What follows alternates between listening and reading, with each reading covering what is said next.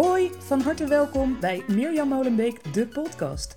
Wil jij van jouw liefde voor handwerk een succesvol bedrijf maken, maar heb je beperkende overtuigingen? Denk je dat er in handwerk geen bedroogbrood te verdienen is? Dan heb je het mooi mis. En ik ga jou in deze podcast laten horen waarom je dat bedrijf zeker kan starten of hoe je dat bedrijf kan laten groeien tot het punt waar jij het wil hebben. Heel veel plezier met deze tips.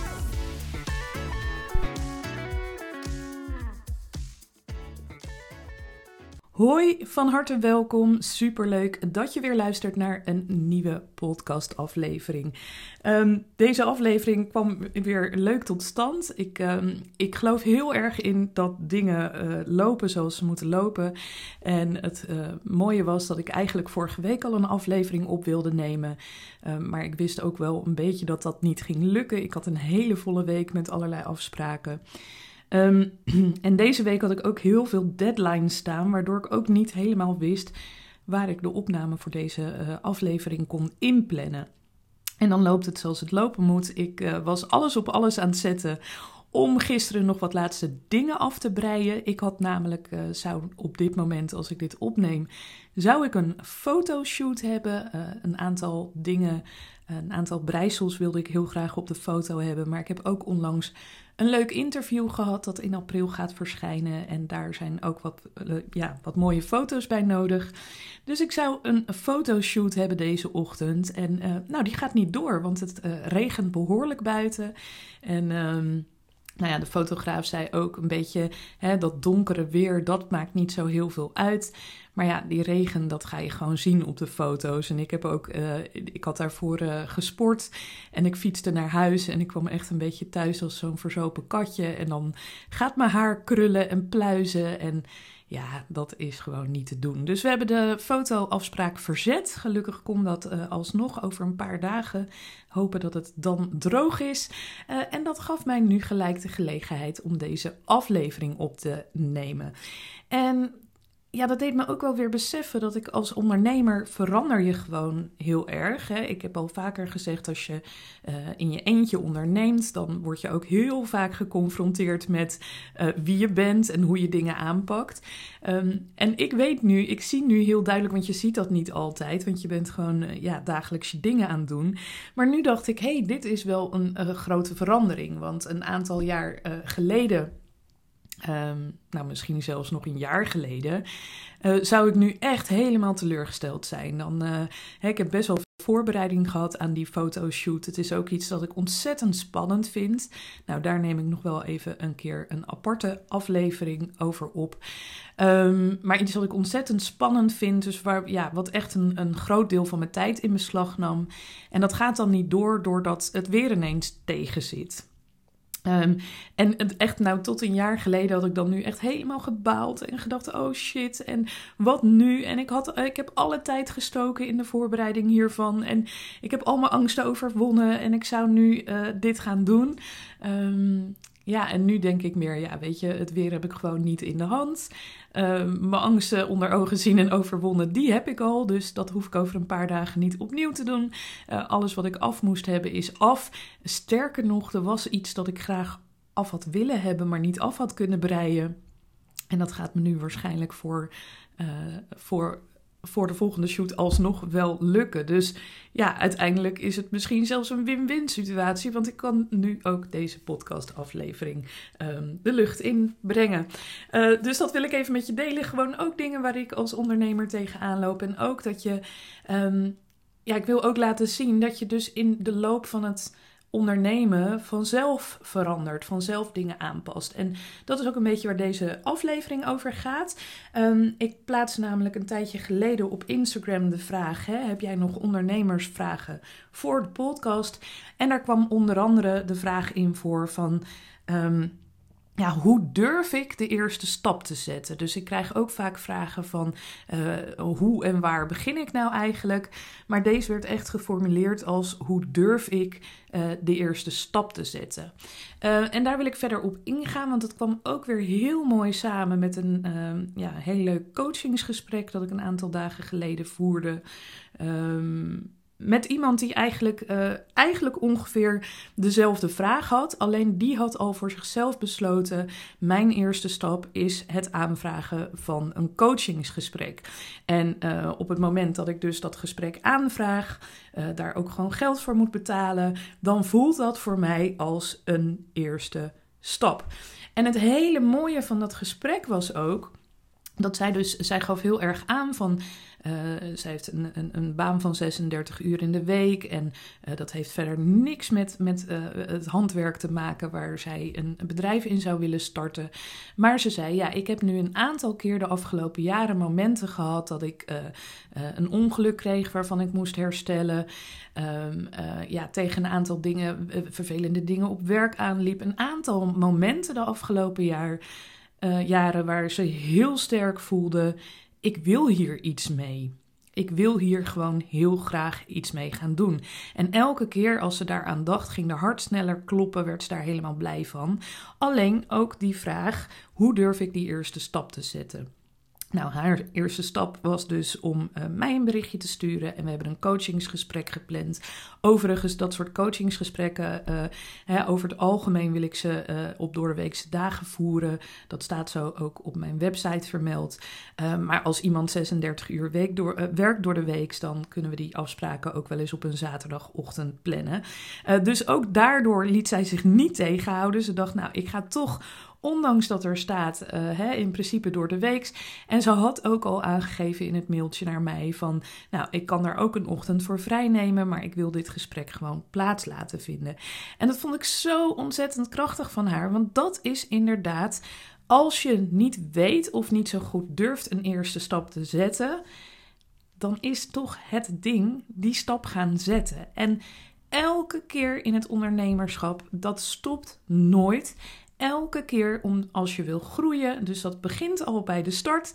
Als je start, maar ook later als je wil groeien en nog verder wil groeien en nog verder wil groeien, zijn er steeds weer stappen uh, die je moet gaan zetten en die je misschien spannend vindt, omdat je tegen allerlei beperkende overtuigingen aanloopt. Kan ik niet, lukt me niet, het gaat toch niks worden.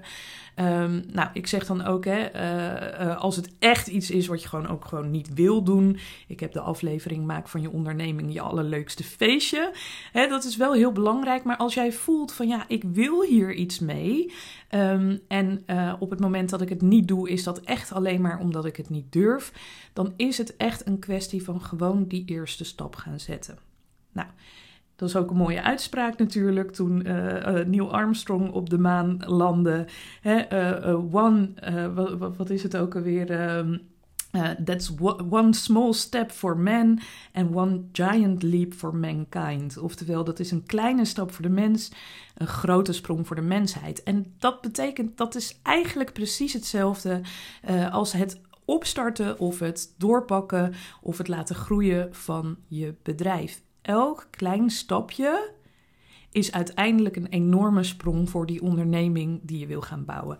En uh, dat, merkten we ook in dat gesprek. was echt heel leuk, want uh, zij had ook zoiets van... nou, ik heb nu dit stapje gezet. Hè, dat voelde ook als een klein stapje. Um, maar ja, ze had ook wel een beetje die angst van... ja, nou ga ik beginnen met, met dit coachingsgesprek. En nu, ja, nu wordt het, worden het enorme stappen. En dat, dat vind ik dus eigenlijk wel heel erg eng. Want ja, dan moet ik dit en dan moet ik dat en ho. En ja, tijdens het gesprek zei ze op een gegeven moment... Oh, want ik, ik, ik laat dan eerst iemand heel erg praten. We hebben het ook een beetje van hoe zit je in elkaar? Wat is je achtergrond? Wat is de reden dat je wil gaan starten? Soms kom ik ook met mensen tot de conclusie.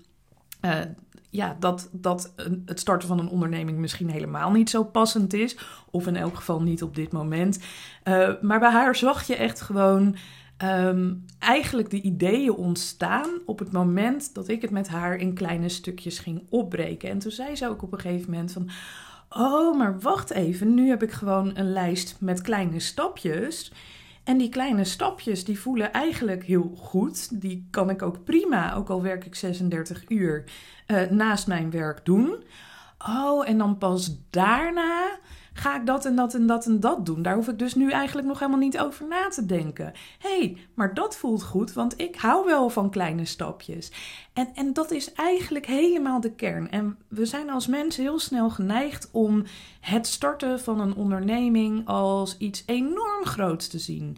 Um, de, de, de, alsof we gelijk morgen onze baan op moeten zeggen en dan volledig afhankelijk zijn van het inkomen van onze onderneming. Alleen dat, dat is nooit iets dat ik zou adviseren. Is wel iets wat je uh, zou kunnen doen. En als je mijn introductiepodcast, de allereerste aflevering, hebt gehoord, dan heb je ook gehoord dat ik redelijk grote stappen heb gezet door vrij plotseling mijn baan op te zeggen, omdat ik dat gewoon echt niet meer uh, langer vol kon houden. Maar ik heb daarna heb ik ook een simpel bijbaantje gezocht om in elk geval voor mezelf die zekerheid te bieden dat ik dat inkomen had. op dat moment kon ik dat stukje nog niet loslaten. En dat hoeft dus helemaal niet. Dus het, het, het niet durven zetten van een eerste stap heeft heel vaak te maken met dat we dingen veel en veel te groot maken. En op het moment dat jij um, um, bepaalde ideeën hebt, is eigenlijk gewoon een eerste stap zetten door al eens met je um, met een ja, pen en papier te gaan zitten en op te schrijven wat voor onderneming je dan voor je ziet. Of, nou ja, zoals deze uh, mevrouw deed, die heeft mij daarvoor ingeschakeld om even samen goed in gesprek te gaan. Hè, zo in, in zo'n anderhalf uur kunnen we ontzettend veel um, um, uh, helder krijgen. Uh, en daarna had zij gewoon een hele simpele stappenlijst. En zei ze: Oh ja, nou dan ga ik dat en dat en dat doen. En nou ja, ik had misschien bij jou het halfjaartraject willen volgen. Maar dat is dan misschien beter om later te doen. Nou, dat, dat adviseerde ik ook. Want ik zei: hè, Dat halfjaartraject dat gaat echt de diepte in. Dan moet je echt goed weten. Um, ja, wat je wil gaan doen. En natuurlijk kunnen we daar samen over nadenken. Maar ga eerst zelf maar eens met wat je nu weet het een en ander op papier zetten. Want dat is gewoon de eerste stap. En je hoeft helemaal nog niet na te denken van ja, wat wil ik daarna? Of het, het, op het moment dat je namelijk dingen op gaat schrijven of daadwerkelijk met iemand gaat bespreken, want hè, dat is ook al, dat merk ik ook vaak in de coachingsgesprekken, dat um, überhaupt het uitspreken van uh, naar iemand toe van wat je wil, dat dat het eigenlijk al uh, veel concreter maakt en dat je daarmee je eerste stap dus zet. En dan heb ik het echt niet over, uh, ga er eens over praten met een familielid of je partner of een goede vriend of vriendin. De neiging van iemand die dicht bij jou staat, is namelijk dezelfde als die jij zelf hebt, namelijk het idee dat het ondernemen iets heel spannends en iets heel groots is. Dus vaak als je daar met mensen uit je eigen omgeving eh, over gaat praten, die zelf niet ondernemen, dan krijg je al heel snel het advies: ja joh, maar ik ken die en die en dat is helemaal niet goed gegaan. En uh, lees jij dan niet hoeveel ondernemingen er op dit moment moeten stoppen? En uh, dan, dan krijg je dat soort adviezen. maar dat maakt dat je dus constant in je leven weer op dat punt komt dat je denkt, ja, en toch zou ik het, weer eens, zou ik het eens willen proberen. En dan, hè, dan blijf je in datzelfde cirkeltje. En wat ik ook vaak zeg, proberen kan nooit kwaad. Als jij nu vandaag besluit, stel, hebben mij begon het ooit met het geven van breilessen. Nou, voor mij was het besluit, oké, ik ga breilessen geven. Nou, hoe kan ik dat zo simpel mogelijk doen zonder al te veel investeren? Nou, door s'avonds de keukentafel vrij te maken. Oké, hoe bereik ik mensen? Nou, op dat moment heb ik gewoon in een Facebookgroep uh, geplaatst van... hey, let op, ik uh, daar en daar, ik ga binnenkort breilessen geven. Heb je interesse? Stuur me even een mailtje. Uh, ik heb her en der wat flyers opgehangen waar veel mensen kwamen. In de bibliotheek, in de eh, overal gewoon opgehangen. En ik heb toen, geloof ik, op Facebook kun je heel makkelijk een advertentie plaatsen. En dan kun je als doelgroep kun je zelfs instellen uh, dat je uh, de mensen wil bereiken die in een straal van drie kilometer om jou heen wonen. Omdat je ervan uitgaat um, dat mensen die live bij jouw lessen willen komen volgen niet heel veel verder gaan. Dus dat waren gewoon hele kleine stapjes. En ik had gewoon mijn baan nog. En, maar ik ging uitspreken dat ik die breilessen wilde geven. En op het moment dat je dat dus gewoon doet vanuit ja, eigenlijk een, een, een eigenlijk overvloed, dus niet oh shit, oh shit, ik uh, heb nu mijn baan opgezegd en ik wil breilessen gaan geven, maar ik heb het eigenlijk nog nooit gedaan. En zal er wel iemand komen? Uh, maar vanuit het, joh, ik heb nu gewoon mijn baan. Het lijkt me verschrikkelijk leuk om breiles te geven. Ik ga dat gewoon eens proberen. Dan voelt het ook niet als zo'n enorme uh, ja, zo'n giant leap, die hoef je dus niet te zetten. Begin met kleine stapjes. En gaandeweg ga je namelijk, pas als je dingen doet, ga je ook ontdekken wat je wel en niet leuk vindt. Ik ben ook ooit begonnen met het verkopen van uh, mutsjes via Etsy. Ik kwam er op een gegeven moment achter dat ik honderd keer hetzelfde mutsje breien, dat ik dat niet heel erg leuk vond. Um, en toen vond ik de lessen geven wel heel erg leuk. Ben ik dat gaan uitbreiden. Nou, uh, hè, inmiddels ben ik mensen aan het coachen. En, en merk ik echt dat ik kippenvel krijg als ik bij iemand dat kwartje zie vallen. Het plezier dat ik iemand zie stralen. En dat iemand echt af kan sluiten met een lijstje met stapjes die je kan gaan zetten. En als je die stapjes gezet hebt, dan ga je weer evalueren. Dan ga je weer kijken van wat vond ik leuk. Hè? Uh, hoe maak ik van mijn onderneming het allerleukste feestje? Dus wat hou ik vast? Wat vond ik niet leuk? Wat laat ik los? Wat kan ik eventueel door iemand anders laten doen? En zo zijn het elke keer stapjes. En het punt, um, ja, waarop je dus besluit om bijvoorbeeld je baan op te zeggen of je baan deels op te zeggen. Of het, dat, dat komt vanzelf wel. Je gaat vanzelf merken van, ah ja, nu is echt het punt dat ik, ja, dat het gewoon niet meer allebei kan. Uh, nu heb ik er ook voldoende vertrouwen in dat ik wellicht nu nog niet, hè, die, die ene werkdag die ik opzet, zeg, uh, die weegt nog niet op tegen de inkomsten die ik, uh, die ik heb. Maar ik vertrouw er wel op dat op het moment dat ik die ene dag um, dus vrij ga spelen, dat ik daarmee zoveel voor mijn onderneming kan doen dat dat inkomen ook vanzelf gaat groeien. Dus je gaat dat echt vanzelf voelen, maar het begint met het zetten van kleine stapjes. Um, we denken ook al heel vaak uh, heel snel van ja, dan moet ik naar de Kamer van Koophandel of dan eh, ja, want ik moet toch dat geld opgeven en ik begin nou eerst maar eens.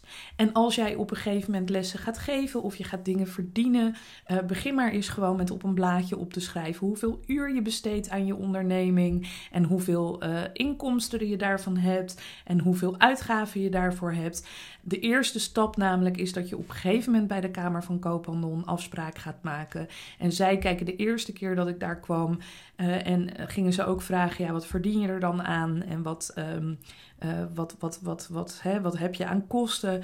En de eerste keer dat ik daar kwam, zeiden ze echt: Mevrouw, voor ons is dit gewoon nog hobbymatig. En natuurlijk is het voor u een onderneming en heeft u allerlei plannen om te gaan groeien. Maar ga eerst maar eens groeien en kom dan later bij ons terug. En als je daar eventueel een paar honderd euro per jaar aan overhoudt, nou dan geef je dat gewoon bij de inkomstenbelasting op als extra inkomsten. Ik geloof dat je tot tot 7000 euro of zo tegenwoordig daarbij mag verdienen. Dus hè, op het moment dat je op het punt bent dat je 7000 euro per jaar winst hebt.